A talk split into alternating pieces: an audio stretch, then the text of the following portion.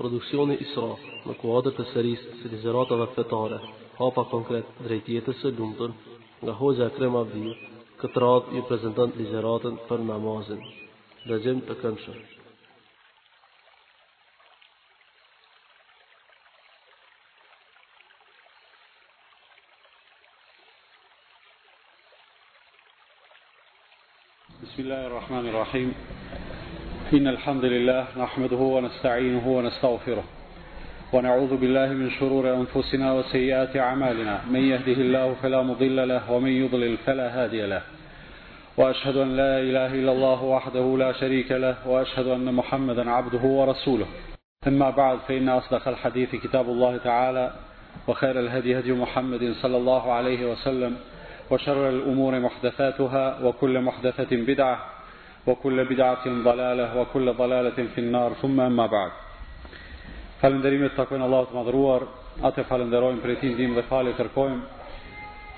Përshëndetjet dhe bekimet janë për të Dërguarin dhe të Zgjedhurin e Tij Muhammedin sallallahu alejhi ve sellem, familjen dhe shokët e tij dhe të gjithë ata të cilët pasojnë rrugën e tij deri në ditën e fundit të kësaj bote. E lutim Allahun subhanahu ve teala që çdo hap që e bëjmë në rrugën e tij ta regjistrojë në regjistrin e veprave tona të mira, çdo moment që e kalojmë në përulje dhe dëgjueshmëri ndaj tij Çdo pengesë në të cilën hasim e ballafaqohemi me te, inshallah Allahu Azze ve Xhel ballafaqimin tonë të mirëfilltë, edhe ashtu si Allahu është i kënaqur, edhe sabrin tonë në ato gjëra, Allahu me i bë prej veprave tona të mira, edhe ato me i pranu edhe me na shpërbly për to inshallah. Sonte do të flasim për një temë të madhe, nuk është e madhe pse unë flas për te edhe di me e trajtu, mirëpo ajo në të vërtetë është e madhe, dhe do të mundohemi që këtë temë ta trajtojmë në një seri ligjëratash, fjala është për temën të cilën do ta titullojmë Hapa konkret kah jeta e lumtur dhe mos e paramendoni se kemi me fol për diçka jashtë asaj çka ka thënë Allahu dhe i dërguari i tij Muhamedi sallallahu alejhi wasallam. Në të vërtetë, kjo temë do të shtjellohet në kuadër të disa nëntemave të cilat për juve gjithsesi janë të njohura dhe e vetmja që do të ketë një lloj freskie dhe një lloj risie në atë kuptimin do të jetë e re, është mënyra se si do t'i trajtojmë këto tema me ndihmën e Allahut subhanahu wa taala. Dhe s'ka dyshim se lumturia është ajo të cilën njeriu e synon.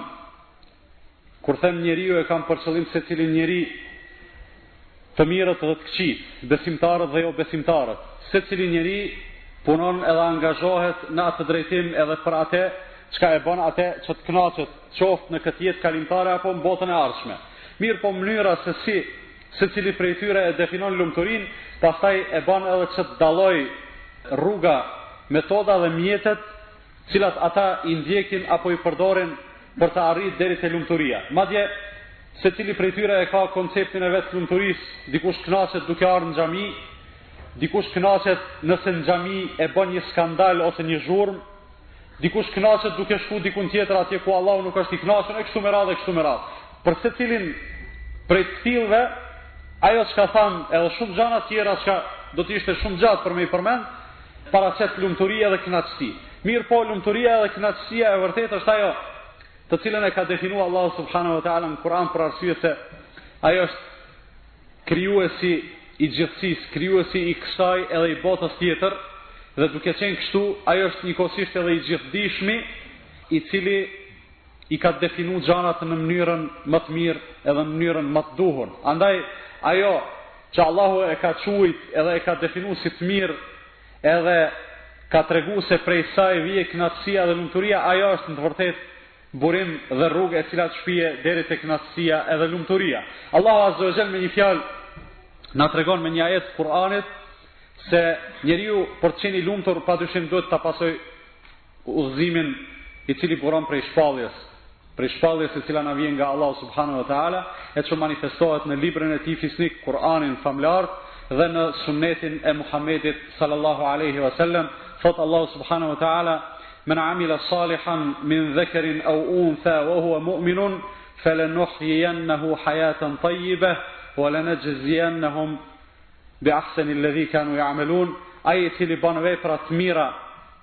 Ai i cili ban vepra të mira, qoftë mashkull apo femër, duke qenë besimtar, Ne atij do t'i japim një jetë të lumtur, do t'i japim një jetë të mirë dhe të suksesshme, është fjala për në dunja, dhe gjithsesi ata do t'i shpërblejmë me një shpërblim shumë ma të mirë dhe ma të madh sesa veprat që i kanë bërë. Pra, ky ajet le të jetë udhërrëfyesi jonë, le të jetë motoja jonë në kërkimin që i bëjmë rrugës së lumturisë, në hecjen tonë derisa hecim në atë rrugë dhe kjo rrugë padyshim se është e gjatë, nuk është e lehtë, nuk është e thjeshtë, nuk është pa probleme, por Allahu Azze ve Xhel është ai i cili na jep sukses edhe na ndihmon inshallah për ta gjetë edhe për të hecë në atë rrugë.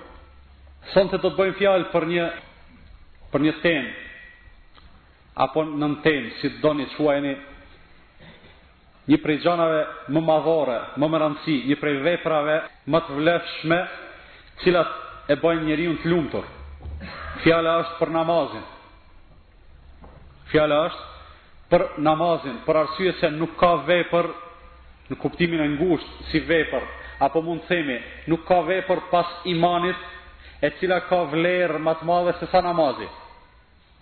Njeriu kur të ka iman, kur ta beson Allahun dhe të dërguarin e tij dhe ditën e gjykimit dhe kushtet e besimit, nuk ka vepër ma prioritare, edhe nuk ka obligim ma të madh se sa se sa namazi. Resulullah sallallahu alaihi we sellem na ka treguar Se Allahu Azze o Xhel na i ka obliguar pesë kohë të namazit gjatë ditës dhe natës. Dothon brenda një njëzet e katër orëshi, Allahu Azze o Xhel na i ka ba farz pesë kohë të namazit. Dhe ato pesë kohë të namazit thot Resulullah sallallahu alaihi wasallam Men hafedha alejha kanet lehu nuren ue burhanen ue nexhaten jeumel kijame.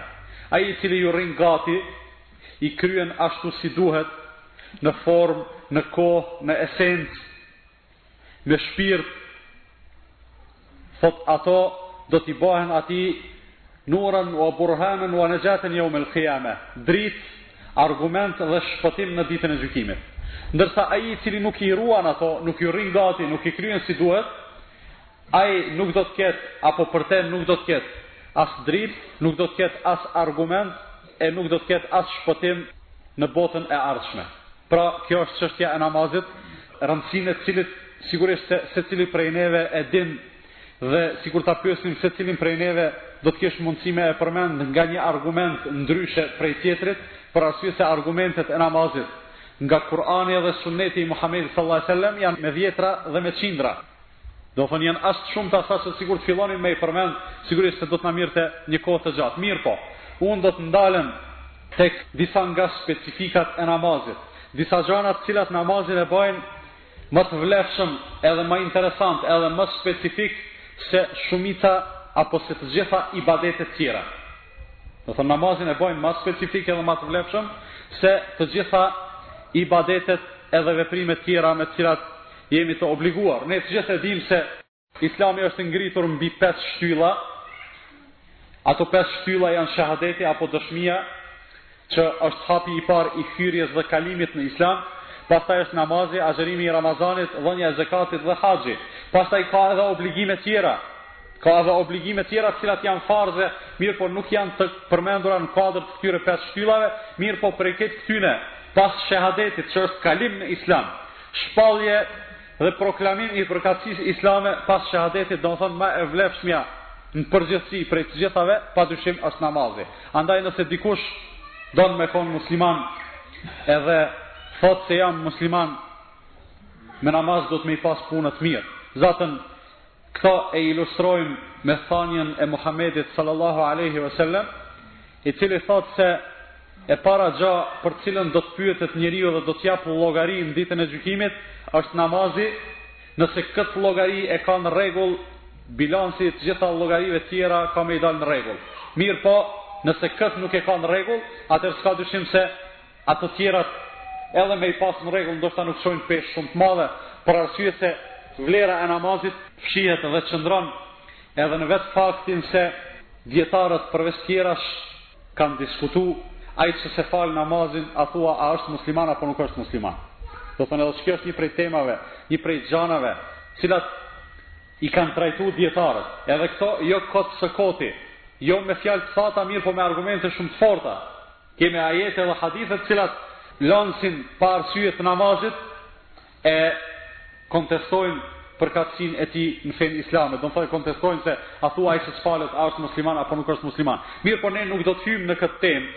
Për arsye se është temë shumë e avancume në kuptimin e gjendjes së shoqërisë sonë, në kuptimin e gjendjes së muslimanëve që jetojnë në këtë nënqiell dhe në këtë vend. Andaj, po mundohemi temën me e trajtu nga aspekte tjera në mënyrë që fatkeqësisht që e kemi këtë nevojë që muslimanëve me ja mbush menën se duhet me u fal. Thotë unë jam musliman, ani pse s'po falësh, vallahi baba është fal, nona është fal, madje tash edhe pse dikujt po i pengon, tash dikush po thot, vallahi edhe djali edhe vajza më falen. Krejt në rregull pse ata falen po ti pse s'po falësh? Qysh po i thu vetes musliman edhe s'po falësh. Nejse. Kalojmë te specifikat e namazit. Çka e veçon namazin edhe çka e ban namazin ma të vlefshëm edhe ma specifik se ibadetet tjera, po i përmendim vetëm disa gjana. E para, namazi është ba farz para hixhretit Dhe si i këtillë është ibadeti i parë që është obligu.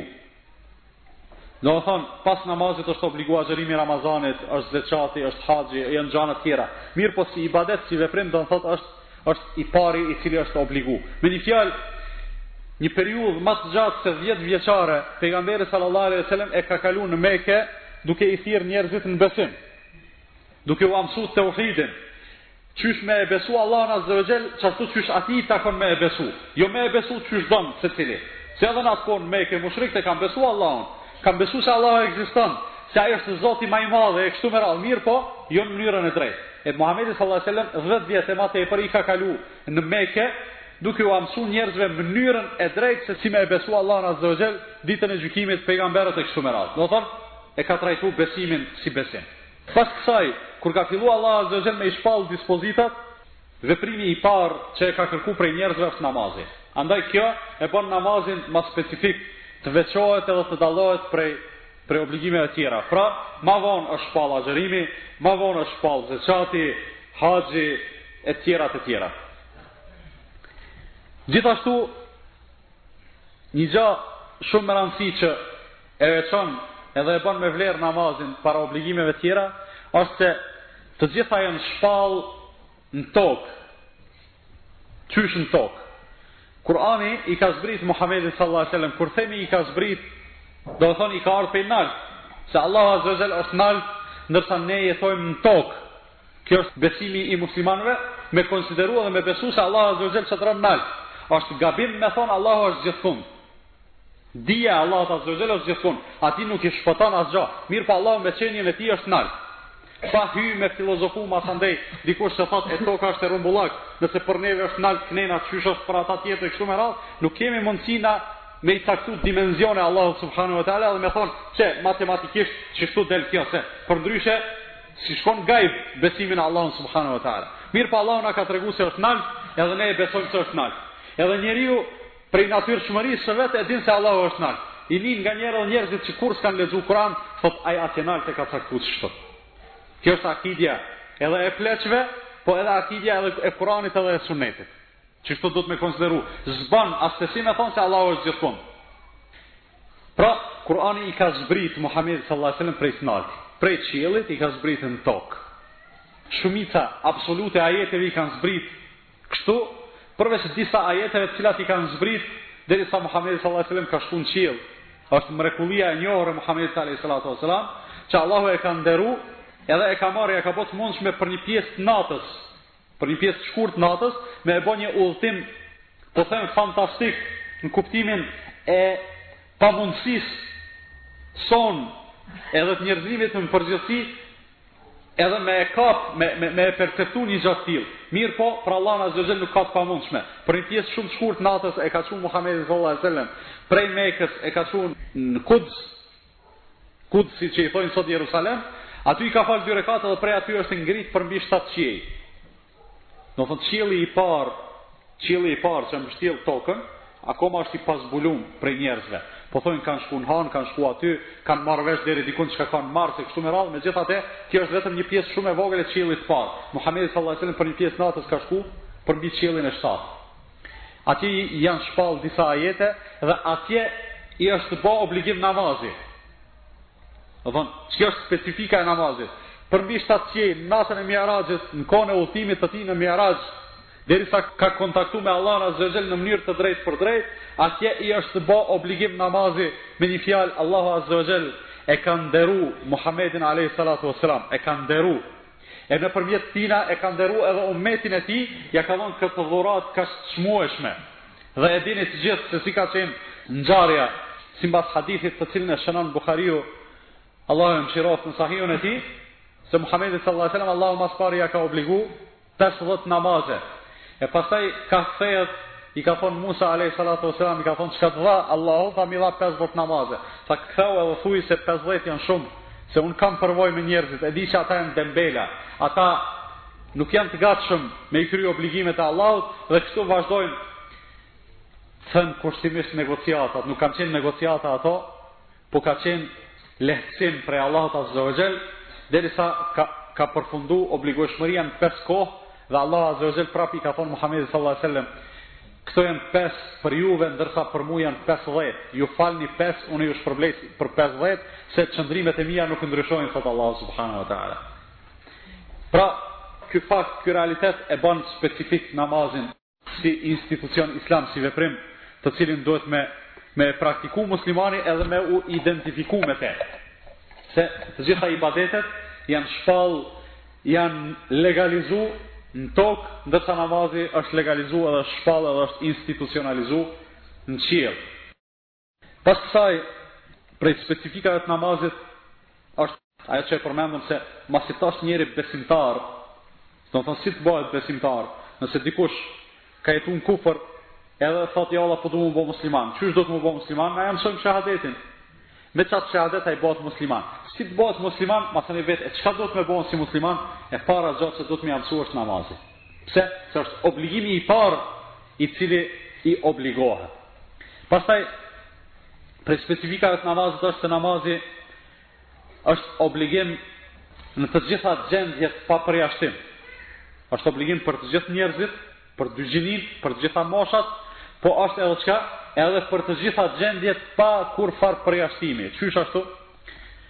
Agjërimi për shembull është obligim për ata që kanë mundësi, është i shnosh, për femrat është në gjendje të pastër e kështu me radhë, e ka obligim me agjëru. Është i smut ose është udhëtar, lirohet prej agjërimit. Namazi është obligim si për të smutin, si për të shnoshin, si për vendasin, si për udhëtarin. Madje si për atë i cili jeton n'paqe, si për atë i cili merr pjesë në luftë. si atë që është në mirëqenie, si ato që jeton nëpër kriza të ndryshme, për secilin prej tyre namazi është obligim. Pegamberi sallallahu alaihi sallam ka thonë, salli kaimen, fe in lem, jes, fe in lem testati' fe kaiden, fe in lem testati' fe ala xhenb. Thot falu në kam, nëse s'ke mundësi në kam, falu ulun. Por nëse s'ke mundësi me u fal ulun, falu shtrit. Me një fjalë, me këto Resulullah sallallahu alaihi wasallam na ka tregu se në çfarëdo gjendje që të është njeriu, që të është muslimani e ka obligim me fal namazin. Mirëpo, në raste edhe në gjendje më specifike bin disa obligime, për shembull obligim pjesë përbamse e namazit është me nejt në kam, po kur njeri s'mundet e fal namazin pa nejt në kam. Me ra në ruku, me ra në sexhde, po s'mundet, e falë namazin pa ra në ruku edhe në sexhde. Madje Allahu subhanehu wa ta'ala e ka shpalë si dispozit të namazit, faljen e namazit gjatë betejës, gjatë luftës. Një kohë para kësaj, para se me zbrit që kjo dispozit, lufta ka qenë arsye për me e vonu namazin. Edhe Resullullahi sallallahu alejhi ve sellem ka marrë pjesë në një luftë, si duket ka qenë lufta e Hajberit dhe simbas transmetimeve ekziston mundësia që i ka ndodh dy ditë, i ka vonu namazet drekën e ikindinë deri mas akshamit, mas akshamit i ka falë.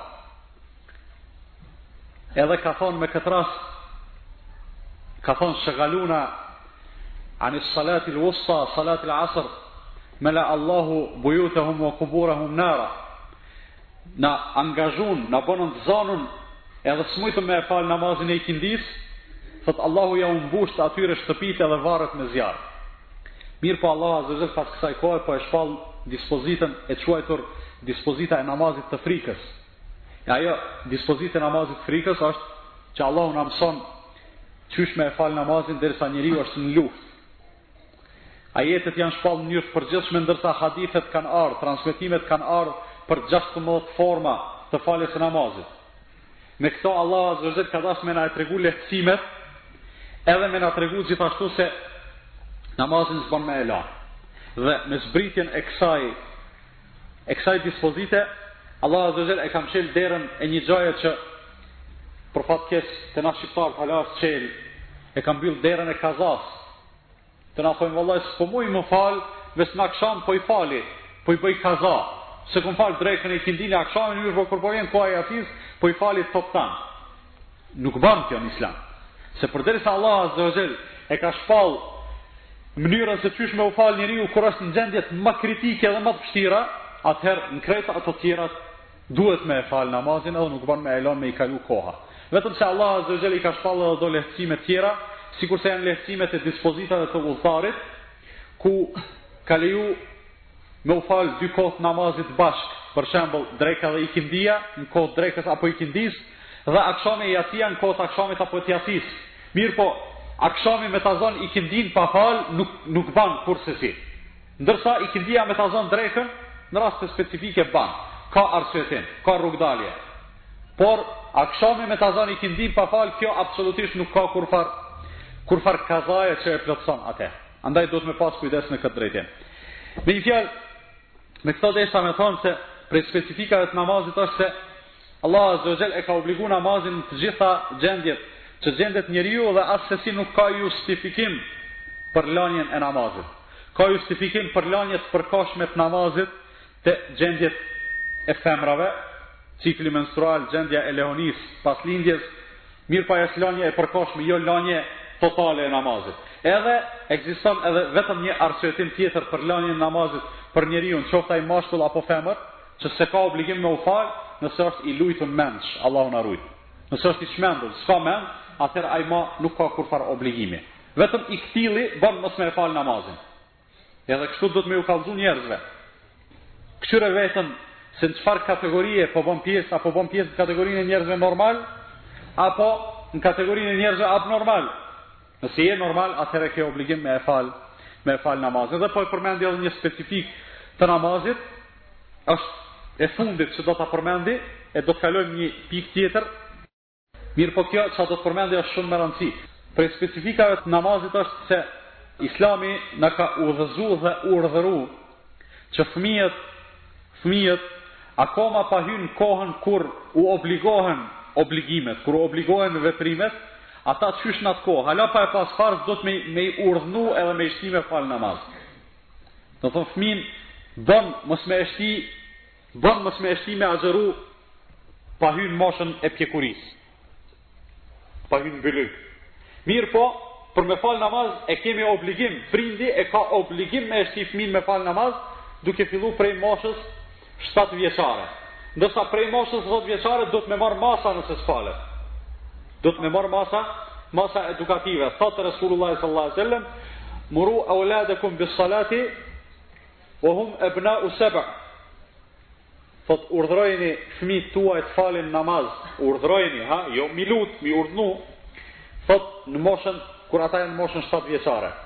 Wadribuhum alejha wa hum ebna'u ashër, ndërsa keni mundësi të përdorni sanksione edukative ta përdorni thuprën nga pak nëse e lojnë namazin tu fillu prej moshës së dhjetë vjeçare në mënyrë që kur t'i bënë katërmbëdhjetë apo pesëmbëdhjetë vjet edhe të hynë në moshën e pubertetit edhe t'i bënë obligim krejt obligimet që i ke edhe ti si prind me namaz me agjërim me zekat me krejt ai me qenë i gatshëm edhe i përgatitun me qenë i trajnum për atë gjendje Domethonë, prej kësaj kohe fillon ai me u përgatitë për faljen, për faljen e namazit. E në këtë pikë ne si muslimanë duhet të kemi kujdes.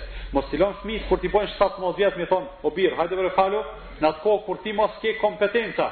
Kanë kalu kompetencat prej teje tek ai.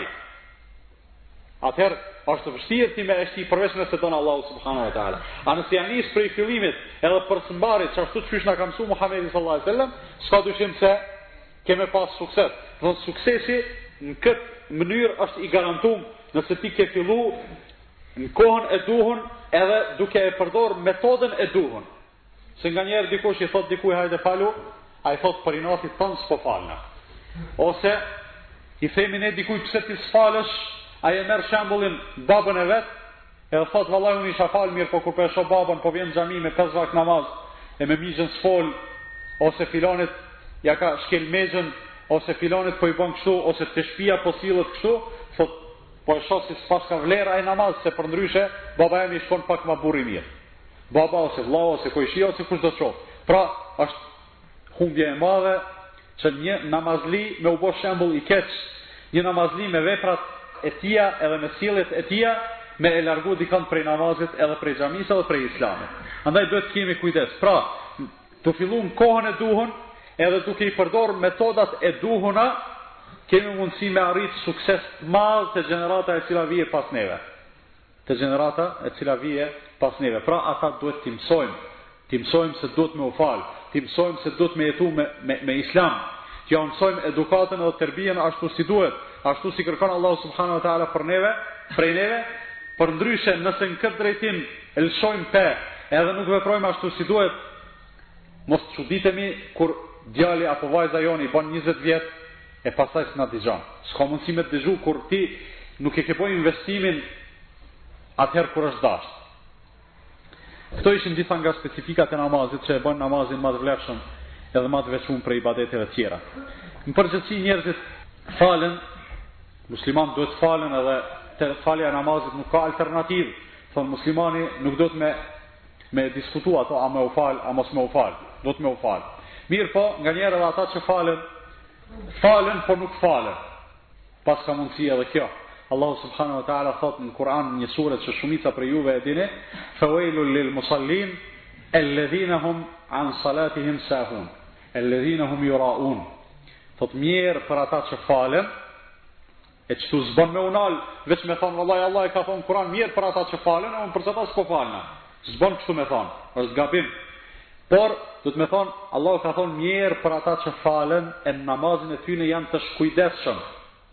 As s'e falin qysh duhet, do thonë në formë, as nuk janë prezent me mendjet edhe zemrat e tyre qysh duhet n'namaz, e as nuk sillen si njeri që falet kur dalin prej namazit, Për të tillët Allahu azze wa xhell ka thonë mjerë, Elledhine hum jura'un, dhe ata të cilët vetëm për sy e faqe falen, veç sa për t'i pa dikush. Nëse dikush i sheh falen, nëse janë vetëm s'falen. E për të tillët ka thonë Allahu subhanahu wa ta'ala mjerë. Pra paska mundësi njeriu me u fal e mos me u fal. Do të thonë e ka kry namazin me një fjalë, formalisht mirëpo ai nuk ka namaz. Qysh në disa forma, edhe në disa mënyra. Ato janë shumë po unë do t'i përmendi vetëm disa. Allahu Azza wa Jall i ka bë disa kushte, apo me thonë parakushte, që muslimani duhet me i plotësu për me mujtë me falë namaz, shartet e namazit. Edhe i ka ba disa kushte apo pjesë përbamëse tjera, që janë pjesë përbamëse të namazit, ku nëse ndonjana prej tyre mungon atëherë nuk ka namaz, që quhen ruknet e namazit apo pjesët përbamëse të namazit.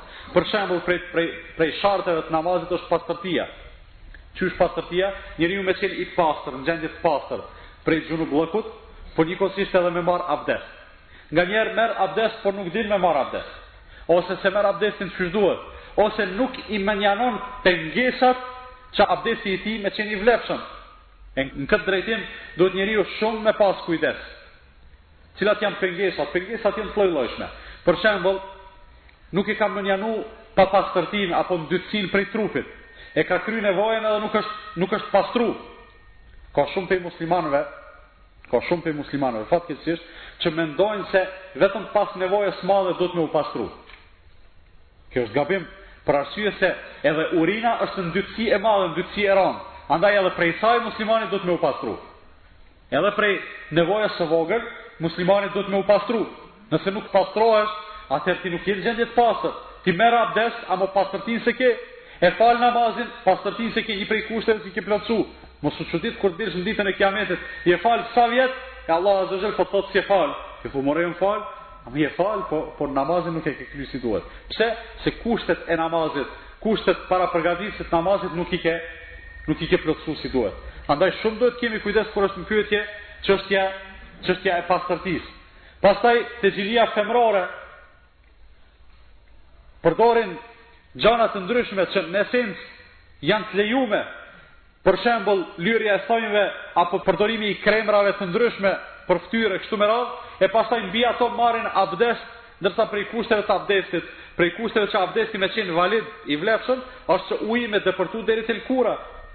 E nëse ka ndonjë pengesë, ndonjë yndyrë, ndonjë llak, ndonjë diçka, abdesti nuk është i vlefshëm. Andaj duhet me pas kujdes edhe në këtë drejtim. Këto po i përmendi vetëm sa për ilustrim se ky nuk është ders i fikhut. Nuk është mësim prej dispozitave të pastërtisë dhe të namazit që me thonë t'i përmendim të gjitha mirëpo qëllimi është të kemi kujdes edhe namazin kur e falim të përgatitemi për te si duhet. Për arsye se nëse nuk përgatitemi si duhet, edhe materialisht, edhe fizikisht, edhe moralisht, edhe shpirtërisht, atëherë ai namaz i joni do të jetë shumë i zbehtë. Edhe reflektimi i tij pastaj ka me qenë shumë i zbehtë në jetën tonë, e nuk është për m'u çuditë kur e shohim njerin pesë vakt namaz fal, ndërsa ahlakun e ka si, si të një njerit i cili ndoshta nuk e beson Allahun hiç. I shohim na këta njerëz. E për çka, për çka njeriu me qenë musliman me adete të shkive, namazli me akhlak të keq, pse me qenë i tillë, sigurisht e ka ndonjë defekt namazi i tij, për arsye se Allahu Azza wa Jall ka thënë inna salata tanha 'anil fahsha'i wal munkar. Namazi gjithsesi pengon edhe ndalon edhe largon prej punëve të kqija, të liga dhe të ndyta. Atëherë pse filanin s'po e largon? Ai sigurisht s'është tu e falë namazin si duhet. Me e pas falë si duhet, sigurisht edhe gjithsesi namazi kish me e largu prej atyne veprave të këqija. Andaj këtu duhet të kemi shumë kujdes se si po e falim namazin. Pastaj, ekziston një defekt tjetër me të cilin ballafaqohen muslimanët, me të cilin Ballafaqohen namazlitë, falësit e namazit. Ai është vonimi i namazit. Mos me e falë namazin në kohë, po me e falë me vonesë. Muhamedi sallallahu alaihi wasallam kur është pyet, cila është vepra më e mirë edhe më e vlefshme, ka thonë as-salatu fi waqtiha. Vepra më e mirë është me e falë namazin në kohën e vet. Qysh si të hyn namazi menjëherë me e falë. Qaj është koha më e vlefshme edhe më e mirë, edhe namazi më i vlefshëm. Ne e dimë se koha e akshamit fillon me përëndimin e diellit edhe përfundon me hyrjen e kohës së jacisë. Po e zomë i kemi një orë e diçka për me e fal akshamin. Edhe ka bon me e fal në fillim të kohës, bon edhe tash me e fal akshamin. Mirëpo më së miri është me e fal në fillim të kohës vet. Andaj, muslimani Nuk duhet me kqyr krejt çka bën. Kanjëherë na parashtrohet një pyetje thot, a bën qështu qështu. Bën, amo ti mos shko te ai kufini i skajshëm, veç çka bën me bë. Mirëpo mundohu me bë përveç asaj çka bën me e bë edhe më së miri që është e mundshme me e kry një vepër. Se Allah subhanahu wa taala e don prej neve, sikur se thot Resulullah sallallahu alaihi wasallam, inna Allaha yuhibbu idha idha amila ahadukum amalan an yutqinah. Allahu don Që kur ndonjoni prej juve ta bëjë një vepër, me e përsosë, me e ba sa ma mirë që është e mundun. E posaçërisht namazi që po themi se është prej veprave ma të vlefshme edhe ma të rëndësishme, atë duhet me e ba maksimalisht mirë që është e mundun. Pra, mos me e vonu, mos me e vonu namazin.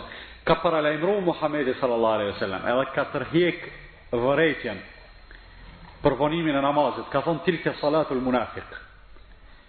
Me e fal namazin me vonesë. Tani dush me e fal me nguti, për arsye se sikur të kishe qenë i zellshëm, edhe me vullnet e kishe fal kur ka qenë koha, mirëpo pak ma vonë p'e fal, hajt veç mos mos mbetem borxh, hajt veç ta kryj obligimin, e thot Muhamedi sallallahu alaihi wasallam, ky është namazi i munafikut. Pse? Se thot kur të mbetet vetëm edhe pak kohë, çohet ai edhe i fal katër rekat namaz. Fjala për namazin e ikindisë, pak para se me përëndu dielli, Thot i fal katër katër rekat namaz. Thot jenkuruha nekra dik. Thot i fal sikurse gjeli kur kur të han ushqim. Qysh han gjeli ushqim, nuk e mban kokën poshtë, po ulet e kap një kokërr edhe çohet menjëherë. Ulet e kap një tjetër edhe çohet menjëherë. Pra, shkon ruku, ngritet menjëherë, shkon sexhde ngritet menjëherë, pa, pa pushim, pa rehati, pa qetësi n'namaz. E ky namaz, domethonë, nuk është Nuk është namaz në rregull. Namazin duhet me e fal ngadale, duke u qetësu e kështu me radhë. Pastaj prej defekteve që ballafaqohen namazlitë me ta, është mosfalja e namazit në formën e duhur. Posaçërisht, duke i pas parasysh disa Disa kundërvajtje të mëdha që i bëjnë njerëzit n'namaz. Ne i shohim nganjëherë njerëzit tu fal, edhe ai kqyr anash, e kthen kryt djathtas e majtas, e bën lëvizje sikurse mos me kon n'namaz. Përpara përpara hoxhallarët kur i kanë mësuar njerëzit mu fal, ju kanë thonë, nëse brenda një rukni kruhesh 3 herë në njëjtin vend prishet namazi. Për qëto nuk ka argument, nuk ka hadith që thot qështo. Mirëpo dijetarët kanë shku ka ajo që me i eduku njerëzit, me falë namaz, me përkushtimin ma të madh, qoftë edhe formal. Domethonë, nëse dikush pej s'largti, me ditë që je n'namaz. Zaten dijetarët, kur thojnë, kur prishet namazi, apo çfarë lëvizje e prishë namazin, thojnë, ajo lëvizje, t'cilën nëse dikush të kqyr, Tu lëviz edhe thot jo, s'koka tu u fal e ke prish namazin a nëse është lëvizje e vogël që edhe nëse lëviz ai e vren se je tu u fal thot ajo s'e prish namazin sidoqoftë duhet shumë me pas kujdes që gjatë namazit mos me bo lëvizje të panevojshme mos me bo lëvizje të panevojshme duhet me pas kujdes gjatë namazit dihet se ku duhet me kqyr ku duhet me e koncentru shikimin Pejgamberi sallallahu alejhi ve sellem thotë se duhet me kqyr, domethonë në vendin e sexhdes. Ajo është shumë normal, shumë fjesht, shumë i përshtatet pozitës së namazit. Domethonë nuk është vështirë, sikur të na kishte obligu Allahu azze ve xhel me kqyr tavanin derisa falemi, kish me qenë jo normale, se vështirë dhem qafa. Ndërsa derisa rrin n'kam me kqyr në vendin e sexhdes, është shumë normale, pushim maksimal, relaksim maksimal. Krahas saj është edhe koncentrim i mirë, se nëse kqyr drejt, dikush ndoshta lëviz, dikush qarkullon, dikush ec, dikush ashtu, s'ka me të dekoncentru, s'ka me të habit, a e tybe n'Allah, tu kon, e kqyr vendin, e kqyr vendin e sexhdes. Andaj shumë duhet të kemi kujdes, derisa falemi, mos me kqyr anash, se Allahu Azze ve Xhel, sikurse thotë Rasulullah sallallahu alejhi ve selem, kur njeriu hyn n'namaz, është duke bisedu me Allahun Azze ve Xhel, dhe Allahu e qet ftyrën e tij para ftyrës tij. Dhe Allahu nuk largohet derisa ai të mos e kthejnë kryt anash, djathtas apo majtas. Ne duhet me pas shumë kujdes në këtë drejtim. Madje disa njerëz edhe flasin n'namaz. Edhe ju duket sikur qe s'u bo gja. Flet n'namaz, flet, flet fjalë jashtë namazit. Ndërsa ne e dimë se n'namaz nuk lejohet me fol, përveçse ato gjana që janë të namazit. Para pak ditëve, shumë pak ditëve, m'boni vaki në një prej xhamive, Tu e fal namazin e drekës, imami gaboi, që i bon vaki çdokujt, i ka bo vaki pejgamberit sallallahu alejhi ve sellem, me rahmetin e Allahut ka gabu në namaz, për me i mësu muslimant qysh përmirësohet namazi kur gabon. N'vend si me i fal katër rekat, në të katërtën nuk nejti po u çu n't'pestën, imami, Allahu ekber u çu n'kam, subhanallah, ai vazhdoi në kam edhe qashtu duhet. E plotësoi edhe një rekat, boni sehvi sexhde, edhe u kry namazi. Shumë në rregull, domethonë namazi u bo krejt në rregull. Derisa ishim, domethonë në rekatin e katërt, në sexhde, Allahu Ekber, hoxha u çu n'kam. Xhemati u ulën gjysa e xhematit. Njoni ke ngat meje ke. Thotë, Katër, katër, u banë, boll ma. Do thotë po fal qështu se u habit, koncentrimin nuk e ka pas, nuk e ka pas nivel. Katër, katër, boll ma. Do thotë çka, kryje qështu se s'kem vajtë ma shumë me falë. E pastaj u çu e vazhdoi namazin edhe sikurse, sikurse mos, mos me pas ndodhë kurgjo. Nuk është rasti i vetëm, po e përdori për ilustrim mirë, po, sigurisht gjithkujt prej juve i ka ndodhë, do thotë që me ndi diken afer vetës tu falë namaz, E me këto njeri e prish namazin. Qysh e prish ndryshe namazin? Po përmendi vetëm shembuj që ndodhin shpesh. Nganjëherë do njerëz nguten, janë mësu me u falë shpejt. Janë mësu me u falë shpejt. E pejgamberi sallallahu alajhi wasallam na ka porosit me u falë kadale, jo me u falë shpejt. Zaten kur kanë thonë pleqt përpara mirë e kanë pas. Kanë thënë abdestin duhet me e marrë si i riu, do të thonë me e marrë shpejt, mos m'u vonu shumë në abdest, ndërsa namazin duhet me e falë si plaku. Kadal kadale, edhe qështu falet namazi, qështu e ka falë Muhamedi sallallahu alajhi wasallam, edhe qështu ka porosit. Prej ngutisë të madhe që janë mësuar njerëzit me u falë shpejt, nëse është imami që falet ma ngadale, që falet qashtu qysh duhet, ai ngutet Prej rukus çohet sepse thot tri herë duhet me thon subhane rabbi el adhim nëse imami vonohet thot pesë herë që edhe ashtu thuhet edhe dhjetë herë thuhet nëse imami pak vonohet ai çohet para imamit se u mësu ju ka bo lëvizja automatike rutin edhe çohet prej rukus para imamit me qito prishet namazi me qit lëvizje para imamit prishet namazi pastaj S'po çohka prej rukus para imamit, po imami thotë Semi Allahu limen hamide edhe ai drejtohet. E imami tash pak vonohet, jo vonohet, po tamam me kohë, se duhet me u qetësu në kam, ai hin me ra në sexhde para imamit. E çka bën? Prej në kam, shkon në guj, e s'bjen n'sexhde se krejt në kam hala, po e pret imamin në guj, derisa të bjen edhe ai. A, a s'është e vërtet qikjo? Për ditë po shohim, si zemi, nëpër xhamiat tona. E kjo është gabim. Do thon kjo Është gabim me i dalë imamit para me lëvizje. Imami, sikur se thot Muhamedi sallallahu alaihi wasallam, inna ma ju'ila al-imamu li yu'tamma bih. Imami, për çka është bë imami imam? Veç për me i shku mas, me ju bo tabi imamit. Do thon jo para ti, as jo baraz me ta. Edhe selam kur t'japim, Kur të jep hoxha selam, imami kur të jep selam, Esselamu alejkum wa rahmetullah, në të djathtën, Esselamu alejkum wa rahmetullah, në të majtën. Kur të kryn të majtën, tek atëherë ne dhojmë selam në të djathtën. Jo përnjëherë me ta, se gabim është edhe kjo. Po çka? Pas, ka thonë Resulullah sallallahu sallam, fe idha kebbera fe kebbiru, kur të merr tekbir imami, pastaj ju merrni tekbir. Fe kebbiru, qike fa-ja, e ka qëllimin, mas, jo përnjëherë me imamin. Edhe fe idha raka'a farka'u fe idha rafa'a farfa'u e kështu me radhë, kur të shkojë në ruku shkoni edhe ju në ruku mas tina, kur të ngritet ngrituni edhe ju mas tina, kur shkon në sexhde shkoni në sexhde edhe ju mas tina. Madje në këtë hadith është një gjë interesante. Thot fe idha salla qa'iden nëse imami falet ulur për ndonjë yzer, s'mundet me ndajt në kamë. U lodh, falet ulur, thotë, fe sallu ku'uden ejma'in. Ju edhe pse mundeni, faluni edhe ju ulur. Edhe pse ju të fort' ini, imami është i ligë, falet ulur, edhe ju te xhemati faluni ulur mas imamit. Pse? Pejgamberi sallallahu alajhi wasallam po don me na tregu se sa do t'me bo tabi imamin, sa do t'me pasu imamin namaz. Andaj, edhe në këtë drejtim duhet të kemi kujdes. Mos e kqyr lëvizjen e imamit, se ti s'ki kohë me u marr me lëvizjen, ngoj komandat. Dikush e kqyr imamin, imami shkon në ruku, masanej thot Allahu Ekber. Ai si e sheh që u nis për ruku, ky hyn në ruku me ta, ose para tina. Nuk është në rregull kjo. Ngo komandën. Thot Allahu Ekber kur të kryhet, e ke dëgju r-në, Atëherë nisu për ruku. Semi Allahu li men hamide, kur ta pash te përfundoj imami, hamide, atëherë ngritu ti prej rukusë, jo si ta shqipton s-në, ti hyn me u çu n'kamë. Nuk është në rregull kjo, prandaj të mësohemi me e falë namazin, qashtu qysh duhet. E zgjatëm shumë për këtë punë, mirëpo namazi është një vepër shumë me rëndësi.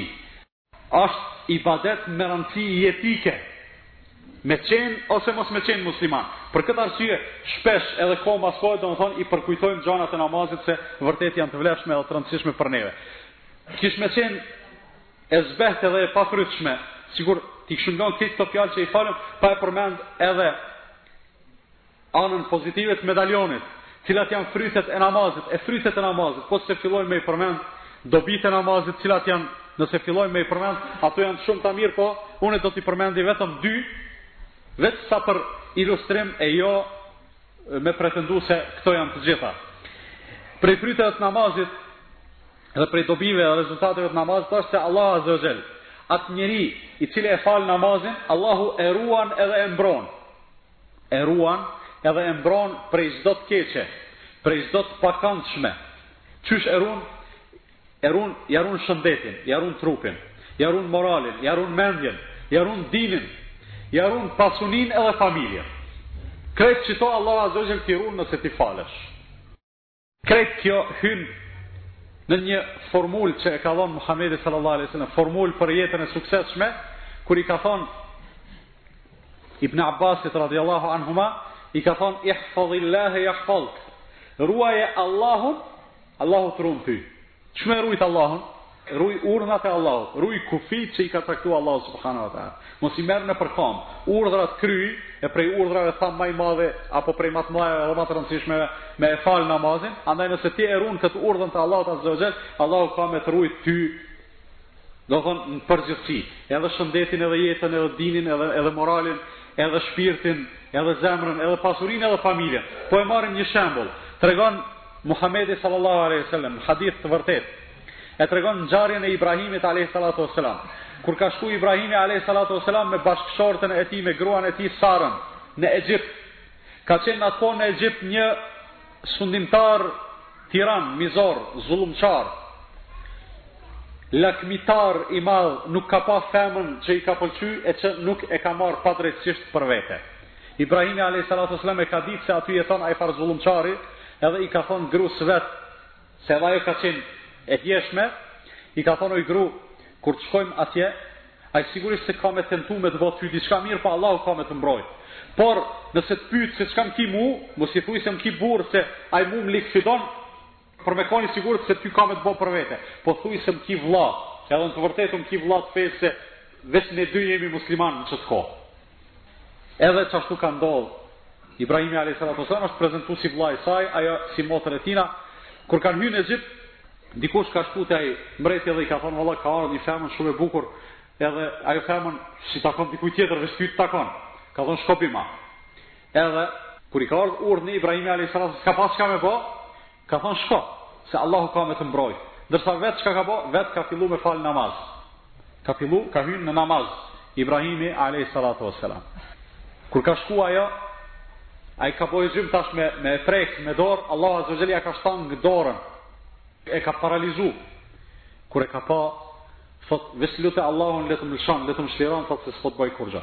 Ajo e ka lutë Allahun, edhe është çliru. Pastaj edhe një herë ka tentu, Allahu prapë e ka shtangu, e ka paralizu. Thotë, lute Allahun le të më çliron se s'po të bëj kurrgjë. Ajo prapë e ka lutë Allahun azza wa jall. Edhe herën e tretë ka tentu prapë u shtang, Atëherë ka thonë, vërtet tash sinqerisht e kam, veç lutë Allahun se s'pasna punë me ty. Edhe kur e ka lutë Allahun Azza Jell, ai është çliru, e ka thirr atë atë përgjegjësin e vet, ka thonë merre edhe edhe hupe këtë gru prej këtu se ma paske pru ni shejtan, s'ma paske pru ni insan. Edhe mirëpo kur e ka pa se Allahu Azza Jell po jep keramete, po e nderon atë muslimane, thot bile thot nderoj edhe ti, thot jepja një dhuratë, një një shërbëtore jepja. Edhe Ibrahimi alejhi salatu ves selam po rrin në shpi edhe po fal namaz, s'ka tjetër, s'ka tjetër zgjidhje. S'ka çka me bë, namaz. Edhe ne kur të na mbyllen rrugët, ndonjëherë rrugët e jetës, çfarëdo problemi me të cilin ballafaqohemi, lidhun namaz, se namazi, namazi t'i hap rrugët. Thot në transmetim për Muhamedin sallallahu alaihi wasallam, "Kana idha hammahu amrun fazi'a ila as-salah." Kur e brengoste shumë Muhamedin sallallahu alaihi wasallam ndonjë çështje e madhe, ndonjë çështje e rëndë, ai arratisej apo kërkonte azil ku në namaz. Namaz Muhamedi sallallahu alaihi wasallam e gjente strehimin edhe zgjidhjen për problemet e veta.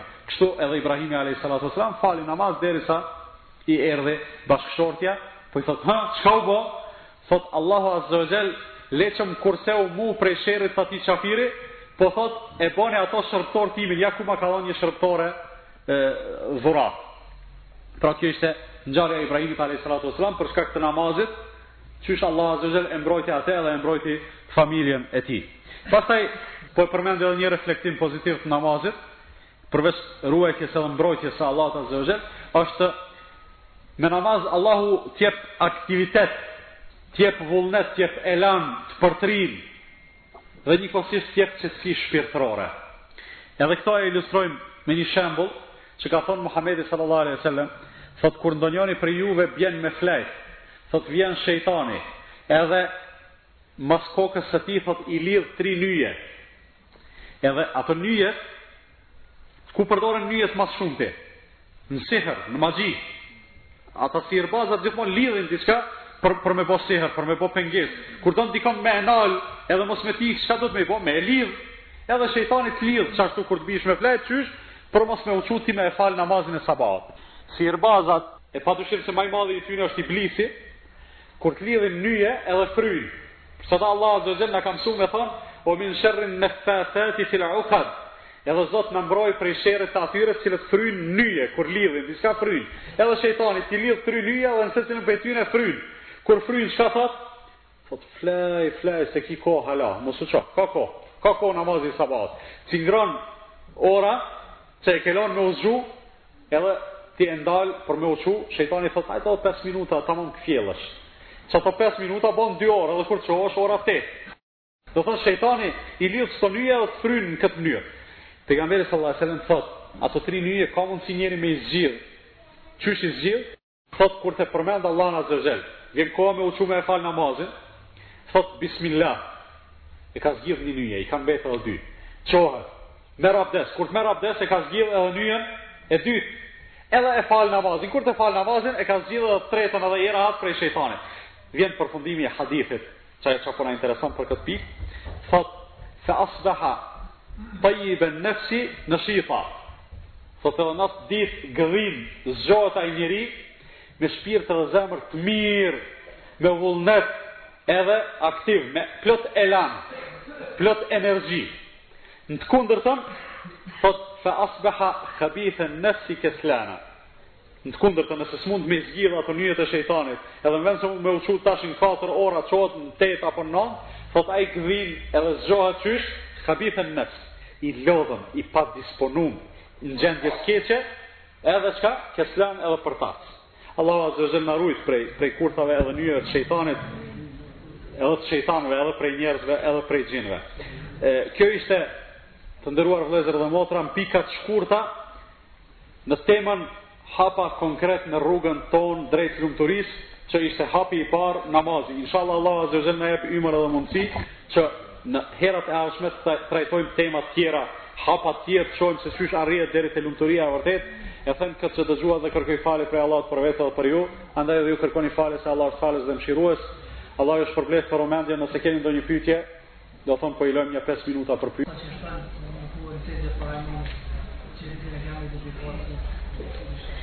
Është një hadith në cilin thot Resulullah sallallahu alaihi wasallam, për atë që ngritet prej sexhdes para imamit, thot ekziston frika e arsyeshme që Allah azza wa jall me ia shndrru kokën e tij në kokë të gomarit. Do thonë frikë, do thonë ai e meriton, po Allahu ka hjek dorë prej asaj për arsye se këtë umet nuk e ndëshkon ashtu me me ndrrim të fizionomive. Pra, kjo tregon do thonë sa e rrezikshme edhe sa e rëndë është me, me hec para imamit n'namaz. Urdhno. Po.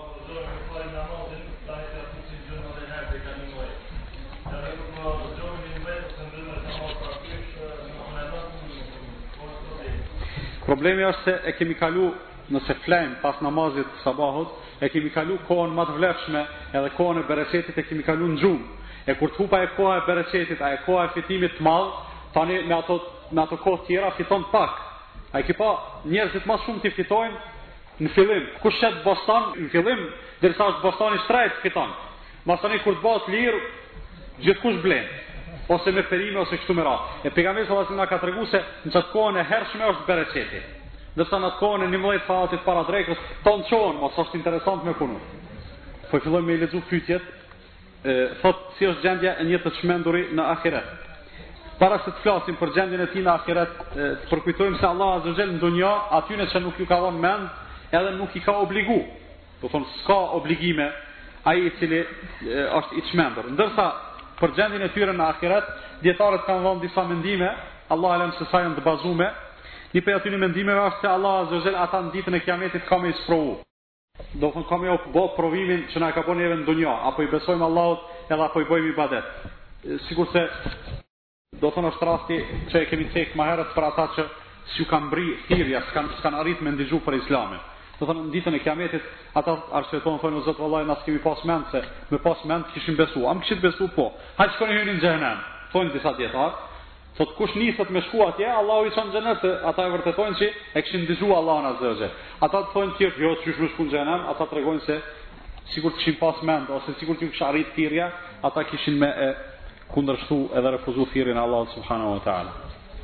Allah e di më së miri. Domethënë këto thënie të dietarëve janë ijtihad që ndoshta kanë nevojë për ndonjë argument të fortë e faktikisht nuk e kemi. Gjatë namazit nuk po mundem me u koncentru, a duhet me përsërit namazin? Jo, namazi përsëritet vetëm nëse e prish namazin, ndërsa nëse mungon koncentrimi, ai namaz nuk duhet të përsëritet, Por, duhet patur kujdes që me i marrë shkaqet edhe sebepet që na ndihmojnë në koncentrim, thonë me u pastru edhe psiqikisht edhe shpirtërisht para namazit, me mujt mes namazeve me bo vepra të mira, me bo me një fjalë vepra të cilat i don Allahu Azza wa Jall e ato ndihmojnë ma shumë në koncentrim. Si duhet me vepru kur të del përpara dikush gjatë namazit? Kur të falesh, duhet me pas sutre, duhet me pas një pengesë para vete. Nëse dikush tenton me kalu mes teje dhe sutres, ti duhesh me pengu atë, me ja qitë dorën edhe me ndalë. Nëse ai veç insiston edhe s'ke mundësi me ndalë, ai e ka gjynahin. Pejgamberi sallallahu alajhi wasallam ka thonë me e ditë se sa e randa është me i kalu njerit përpara, domethonë me ja pre kiblën, thot 40, 40 kish prit edhe s'kish kalu. E sahabët kanë thonë s'e dim a ka thonë 40 sahata, 40 dita, 40 muj. Me një fjalë, shumë duhet me prit e mos me ja prish njerit, a mos mos me i kalu përpara. Pra, ti nëse je në namaz mundohu me pengu, nëse s'mundesh me pengu, ai e ka përgjegjësinë. A bën me e pastru fytyrën pas abdestit me kamomil dhe pastaj me u fal, sepse nga uji i thjeshtë më irritohet lëkura. Bën. Do thon pasi të marrësh abdest, edhe je në gjendje me abdest, bën me përdor edhe kremra edhe gjona të ndryshme, Mirëpo, kur vjen koha e abdestit tjetër, prapë duhet me e pastru fytyrën. Ndërsa me e pastru fytyrën me kamomilë pas abdestit nuk ka ndonjë të keqe. Nëse vdes imami gjatë namazit, çka duhet me vepru xhemati? Njëri prej tyne e vazhdon. Për qata mas imamit, le të mos thojmë nëse vdes, por nëse i ndodh diçka tjetër, çfarëdo qoftë, nëse i prishet abdesti, po e zojmë. Për qata mas imamit, duhet me u falë në safin e parë, kush? Më të dijshmit. Më të dijshmit, ka thënë Pejgamberi sallallahu alejhi ve sellem në hadith, Liyeliyeni minkum ulul ahlami wan nuha, Mas meje le të falen ata prej jush që janë më të dijshëm. Mas imamit, domethonë, duhet me u fal më të dijshmit në mënyrë që nëse imamit i ndodh diçka, çfarëdo qoftë që ai duhet me ndërpre namazin, njëri prej tyre del edhe e vazhdon prej aty ku kanë mbetë. Orarin e mësimit e kam prej orës njëmbëdhjetë deri në gjashtë, namazet e drekës dhe të ikindisë a muj me i fal kur shkoj në shtëpi për arsye se nuk kam mundësi, nuk më lejojnë me u fal në shkollë. Nëse qajo ora gjashtë është para akshamit, ban me i fal drekën edhe ikindin me kusht që me qenë para akshamit. Nëse të zen akshami në shkollë, atëherë dush me e gjetë një metodë çfarëdo qoftë ajo për me e fal drekën edhe ikindin në kohën e vet. Si duhet me hec muslimani me grua në qytet, një sqarim dhe një vrejtje. Këtu sigurisht duhet me i nënshtru tani edhe disa nënpytje, a duhet me hec para saj 10 metra, ajo me hec mas teje qysh kanë hec përpara, apo duhet me hec ja ngjitë përqafe, sikurse po bojnë disa musliman sot, kur po them musliman e kam për qëllim ata që po vijnë n'xhami, jo ata që veç e llogaritin veten musliman. As njëra as tjetra. Muslimani hec krah për krah me grun e vet, nuk prish punë, domethënë që nëse ai e mban dorën në xhep, ajo me e kap atë për krahi, Edhe me hec ashtu. Mirëpo, në përgjithësi muslimani edhe muslimania, edhe në ecjen e tyre, edhe në paraqitjen e tyre në rrugë duhet me pas kujdes. Duhet me dhënë shembull se vërtet janë muslimanë. Mos me ju përngja atyre të cilët nuk kanë kufi, nuk kanë kufi edhe jashtë, edhe publikisht nuk kanë kufi të jetës intime. Na e dimë se muslimani jetën intime e ka në shtëpi, ndërsa jetën publike e ka jetë publike, andaj duhet me pas kujdes në këtë drejtim. A është e domosdoshme besimi në Ditën e Gjykimit dhe ringjalljen dhe cilat janë pasojat e mosbesimit? Patjetër, është shumë e domosdoshme, është prej kushteve të besimit e besimi në ringjallje edhe në Ditën e Gjykimit. Pasojat e mosbesimit janë se njeri me këto bëhet shka. Domethonë nëse nuk e beson ringjalljen edhe Ditën e Gjykimit, bëhet kafir, bëhet jo musliman, edhe nuk ka mundësi me e shiju xhenetin kurrnjëherë. A është e vërtetë se nuk duhet ta përdorim tesbihin?